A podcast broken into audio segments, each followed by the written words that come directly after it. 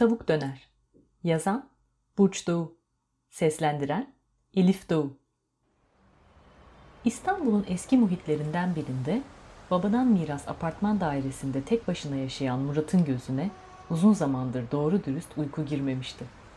Korkunç baş ağrıları çekiyor ve sıkıntıdan sürekli yemek yiyordu. Bütün pencereleriyle minibüslerin 24 saat korna çaldıkları ana caddeye bakan evinin karşısına yetmezmiş gibi bir de müzikli kafe açılmıştı. Mekanın kesin bir müzik anlayışı yoktu. Amaç mümkün olduğunca çok ses çıkarmakmış gibi bir yaklaşım vardı ortada. Uykusu zaten hafif olan Murat, sabahları Türkçe pop ile uyanıyor, geceleri ise yatağına halay müzikleriyle giriyordu. Gün içinde zoraki müzik dinlemekten başka bir şey yapıyor sayılmazdı. Çalışmayı yıllar önce bırakmıştı. Ailesinden kalan iki dükkanın kirası yetiyordu ona. Bazen uyuyamadığı gecelerde salonun sokağa bakan koltuğuna yerleşir ve karanlıklar içinde halaycıların dışarı ne zaman fırlayacaklarını beklerdi. Cips veya çikolata almaya mutfağa koşup geldiği anlar hariç yerinden oynamaz, en uzun bekleyiş sürelerinde bile şüpheye kapılmazdı. Davul zurna başladıktan sonra halayın sokağa taşması zaman meselesiydi sadece. Fiziksel, matematiksel bir şeydi. Sabit mekanda hızlanan halay sonsuza gidiyordu. Gel gelelim dün gece mekan polis baskınıyla mühürlenince halayın devinimiyle ilgili olan bu yasa da kökünden sarsılmıştı. Olanları pencereden izleyen Murat baskının nedenini anlamamıştı. Ama ziyaretçiler topluca dağıldıklarına göre ruhsatla veya yüksek sesli müzikle ilgili bir durum vardı herhalde. Kalabalığın içinde mendil sallayarak yan koşan ufak tefek gruplar görülüyordu ya, şöyle halay gibi halay denecek çaba yoktu ortada. İnsanın tadını kaçıran bir görüntüydü. Üstelik herkes herkesin ayağına basıyordu. Yastığa başını koyduğu gibi rüyalara dalan Murat, seneler sonra derin bir uyku çekti. Öyle ki ne caddeden geçen minibüsler ne de yan parseldeki eski binanın duvarlarına çarpan yıkım güllesi bölebilmişti düşlerini. Sürekli dönüşüm halindeki şu muhitte yıkım da bitmiyordu, yapım da. Yenilendikçe gökyüzüne yakınlaşan apartmanların zemin katlarına bir gün lokmacı, başka bir gün çiğ köfteci açılıyordu. Hatta bazen ikisi birlikte aynı dükkanın içinde açılıyordu. Murat rüyasında rahmetli anne ve babasını görmüş, bir bayram günü ellerini öpüp para istemişti. Peder bey cebinden 100 dolar çıkartıp tutuşturmuştu oğlunun eline. Valide hanım ise masaya kuzu kavurma getirmişti. Televizyonda Barış Manço günün bayram olduğundan bahseden şarkısını söylerken sokaktan geçen eskicinin narası salonun beş kirişlerinde yankılanıyordu. Başını bir annesine, bir babasına çevirip duran Murat mutluydu. Ama onların artık hayatta olmadıklarının da farkındaydı bir şekilde. Bu yüzden uyanmamak için elinden geldiğince mücadele etti. Ta ki evin kapısı alacaklı dayanmışçasına çalana dek. Üzerine alelacele geçirdiği sabahlığıyla içinden küfürler ederek açtığı kapının öteki tarafında ilginçtir ki kendisinin daha yaşlı haliyle karşılaştı. Kapıyı çalanın Murat olduğundan şüphe yoktu. Çünkü beyaz saçları dışında şimdiki Murat'a bayağı benziyordu. Üzerindeki sabahlık bile aynıydı hatta. Yalnızca solmuş ve lekelenmişti. Gördüğüne mana verme çabasındaki Murat, ziyaretçisi tarafından kenara itilince yol vermek durumunda kaldı. Mutfağa yönelen ziyaretçi, saat kaç diye soruyordu nedense bağırarak. Geç kalmak üzereyiz, hatta geç kaldık sayılır. Aceleyle ulaştığı mutfak rafından aldığı bira bardağına damacanadan su doldurup tek dikişte içti. Bardağı mikrodalga fırının üzerine bırakırken şu pompayı tamir ettirmelisin dedi. Damacananın altındaki su birikintisini kaşlarıyla işaret ederek. Yoksa ileride başına iş açacak. Sağ kolunu sabahlıktan kurtardı ve dirsek altından bileğine kadar uzanan dikiş izini gösterdi. Ev kazaları her yıl kaç kişiyi öldürüyor haberin var mı?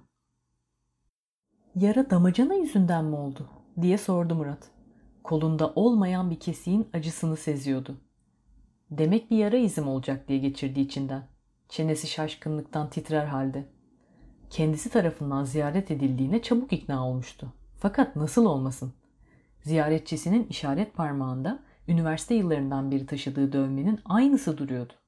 Biraz solmuş ve boyasını kusmuş haldeydi. Fakat oydu tartışmasız. Alengirli dijital saatine göz atan ziyaretçi vakit yok diye bağırdı. Ter içindeki alnı ve yumruk yaptığı sağ eliyle tedirgin bir haldeydi. Acele etmeliyiz, çıkmamız gerekiyor. Buzdolabını açıp biraz peynirle salam attı ağzına. Arkasından tarihi geçmiş sütü kafasına dikti. Güzel ayranmış dedi. Elinin tersiyle ağzını silerken. Gelecekte böylesi bulunmuyor. Buzdolabını kapattı. Yağlanan ellerini sildiği sabahlığı yere çaldı. Hadi çabuk hazırlan ne duruyorsun? Bana da ceket gömlek bir şey ayarla. Sabahlıkla gezmek istemiyorum. Ocak üzerindeki davlumbaza gidip aydınlatmasını açıp kapattı. Şunun ampulünü değiştirmen gerekiyor haberin olsun. Ev kazası mı yine? Hayır ama yakında bozulacak ve 2080 yılına kadar kalacak öyle. Evden ancak öğlen sularında çıkabildikleri için maalesef trafiğe kalmışlardı. 93 model bir Ford Taunus'un içinde dura kalka ilerliyorlardı. Murat ziyaretçisinin berbat yol tarifi yüzünden bir türlü araya girip nereye gittiklerini soramamıştı. Adam kendisinden beklenmeyecek şekilde sağ ile solu karıştırıyordu. Dahası kavşakla sapağın farkını da bilmiyordu. Tuhaf şey diye düşünmüştü Murat. Demek ki gelecekte araba kullanmıyorum. Yoksa niçin unutayım ki bunları? Yoldan ayırmadığı gözleri heyecanla parladı birden. Acaba uçan arabalar mı bulunacak? Belki ondan karıştırıyordur kim bilir. Uçabilen bir araba şoföre ihtiyaç duymaz herhalde. Aksi halde hele ki İstanbul'da gökten araç yağardı. 45 dakika sonra ilçenin dışında bir kırmızı ışıkta durunca anca sorabildi nereye gidiyoruz diye. Trafik azalmış, hava iyice ısınmıştı. Soruyu duymazdan gelen ziyaretçi kaset çaların oynat tuşuna bastı ve sırtını yolcu koltuğunun tozlu döşemesine bıraktı. Çalmaya başlayan şarkı ile beraber penceresini sonuna kadar açıp dış kapıya sarkıttı kolunu. Böyle bir albüm bir daha gelmez diye yorumladı Mustafa Sandal'ın sesine eşlik ederken. Klasik müzik seven herkes gölgede aynı albümüne saygı duyar. Oturduğu yerde Mustafa Sandal vari dans figürleri yapıyordu. Bu kaseti kaybetme, gelecekte çok para edecek.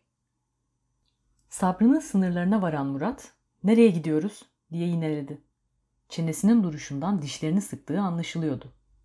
Bilim kurguya herkesin bir miktar toleransı olurdu. Fakat bu kadarı fazlaydı. Ziyaretçi kolunu içeri toplayıp pencereyi örttü ve ''Tamam'' dedi uzlaşmacı bir sesle. ''Geldik sayılır zaten.'' Şarkıyı başa almak için tuş bakındı ama o çeşit bir teknoloji yoktu arabada. Neyse, müsait bir yerde durabilirsin. Gideceğimiz tavuk dönerci şu ilerideki çarşının içinde kalıyor. Tavuk döner mi? Ne kadar çok şey soruyorsun Murat ya. Zaten ağız tadıyla bir şarkı dinletmedin. Gelecekten geldik karnımız aç. Yol yorgunu insana bu kadar soru sorulur mu? Ziyaretçiye hak veren Murat başını yola çevirdi. Gerçi biraz da dayak yemekten çekinmişti, yalan yok. Nasıl bir gelecekten geldiğini bilmediği bu yaşlanmış haline bulaşmak mantıklı gelmemişti. Koltuğuna sindi ve ağzını dönerciye girene kadar açmadı bir daha. Tavuk dürümlerini yerken biraz geçmişten konuştular ve çoğunlukla hak verdiler birbirlerine. Sonra ikinci dürümü söyleyen ziyaretçi gelecekten söz etmeye başladı. Maalesef 2080 yılında uçan araba yoktu. Uçan kaykay bile yoktu. Hatta kaykay hiç yoktu. Beklentileri karşılıksız kalan insanlık uçak tabirini uçan araba ile değiştirerek kapatmıştı bu bahsi. Ankara'ya uçuşu olan biri uçak yerine uçan arabaya biniyordu. Değişen bir şey yoktu ama kulağa daha hoş geliyordu en azından. Her şey bu kadar tatsız mıydı? Hayır. Cep telefonu teknolojisi fevkalade gelişmişti. Cep telefonlarının onlarca kamerası vardı ve pilleri neredeyse iki gün yetiyordu artık. Hayatın genel akışı da değişiyordu gelecekte. İnsanlar fazla vakit aldığı için oturarak yemek yeme alışkanlığını bırakmışlardı. Her şey blenderdan geçirilerek servis ediliyor ve hızlıca tüketiliyordu. Döner ve lahmacun bile. 2080 yılında ülkenin ilk defa internet fenomeni bir başbakanı olmuştu. Fenomen başbakan iki dönemlik görevi süresince neredeyse hiçbir karar almamış ve kriz anlarının hepsini ufak tefek şakalar veya yazarlardan alıntılar yaparak geçiştirmişti. Bu yaklaşımı ilginçtir, işe de yaramıştı. Ne zaman televizyonda görünse borsa yükselişe geçiyordu. Tavuk dönerciden çıkınca ziyaretçinin ısrarı ile PlayStation oynamaya gittiler. Murat artık bu görüşmenin dünyayı kurtarmak gibi ulvi bir amacı olmadığından emindi. Kimse dünyaları kurtarmadan önce tavuk döner yemez. Fakat PlayStation önerisine de itiraz etmedi. Çünkü yapacak daha iyi bir işi yoktu. Koşar adım soldaki armut koltuğa yerleşen ziyaretçi birinci kol benim diye bağırmıştı. Real Madrid ve Brezilya'yı seçmek yasak. Roberto Carlos haksız rekabet yaratıyor. Murat takım seçerken efsane Brezilyalı'nın futbolu çoktan bıraktığından hatta bir ara Sivas Spor'u çalıştırdığından bahsedecek oldu ama vazgeçti sonra. Ziyaretçiyi bozmak istememişti. İnsanın hafızası tren gibi bir şeydi. İlk vagondaki düzen sona ilerledikçe yerini karmaşaya bırakıyordu. Ziyaretçinin Carlos'u yanlış vagona sıkıştırmasının kimseye zararı yoktu. Yararı da yoktu. Ama doğru vagonlara dağıtılan şeyler bile çoğunlukla yararsızdı zaten. Açıkçası ziyaretçinin oyunu unuttuğu da ortadaydı. Bütün maçları farkla kaybetmiş ve kol bozuk diye sızlanıp durmuştu. Sonunda kendi kuralını bozup Real Madrid'i seçti ama yenilmekten yine kurtulamadı. Bu sefer de Carlos'un olmayışına atmıştı suçu. Oynamaktan sıkılıp dışarı çıktıklarında gün akşama kavuşmuştu. Kafenin önündeki kaldırıma oturan ziyaretçi bir sigara çıkarıp yaktı ve caddenin öteki tarafındaki kalabalığa çevirdi bakışlarını. Aldığı sayısız mağlubiyet üzerine sıkıntı olup çökmüştü. Sigarasından uçuşan küller sıcak havada nemlenen kollarına yapışıyordu. Birden ''Niçin geldiğimi hala merak ediyor musun?'' diye sordu Murat'a dönmeden. ''Çünkü karımın yüzünü hatırlayamıyorum.'' Dirseklerini dizlerine dayayıp avuçlarını açtı. Boşa düşen sigaranın yuvarlanarak kayboluşunu izledi. ''Bana ondan kalan vesikalıklardan bir tane verir misin? Cüzdanında vardır mutlaka.'' ''Zamanda kırılma yaşanmaz mı?'' diye sordu Murat yutkunarak. İşittiğiyle ilgili acı bir tat geldi ağzına. Zamandaki kırılma falan umrunda olduğundan değil. Konuyu sulandırırsa ağırlığı azalabilir diye düşünmüştü yalnızca. Zaman makinem olsaydı diye geçirdiği içinden karımın yaşadığı bir zamana dönerdim. Fotoğrafını da kaybetmezdim. Sonra başını iki yana sallayıp gülümsedi. O an kendisinden fotoğrafı isteyen de aslında kendisi değil miydi? Zaman o denli kırılgan bir şey değil, dedi ziyaretçi. Karımı yok ederken bana mısın demedi de bir fotoğraftan mı kırılacak? Elini Murat'ın omzuna koyup itecekti. Keşke onu görecek cesaretim olsaydı. Ama yok. Yanından bir kez daha ayrılamam gibi geliyor bana. Yani kalırım orada. Dönmem. Bunun sonuçları ne olur biliyor musun? Benim hiçbir fikrim yok. Zaman alt üst olabilir ve ben o durumda bile geri dönmeye ikna olmam. Murat çıkardığı birkaç vesikalığı ziyaretçiye uzattı. Cenazenin olduğu gün gökyüzü yırtılacak sanmıştım, dedi cüzdanını cebine geri koyarken. Az sonra insanlık tarihinin gördüğü en büyük fırtına başlayacak. Ya şimdi ya birazdan. Şimdi olmasa birazdan. Komik bir şey hatırlamışçasına gülerek pantolonundaki tozu temizledi. Hava kapandıkça kapanıyordu. Sonunda öyle kararmıştı ki gece çökmüştü üzerimize. Ama sonra hiçbir şey olmadı.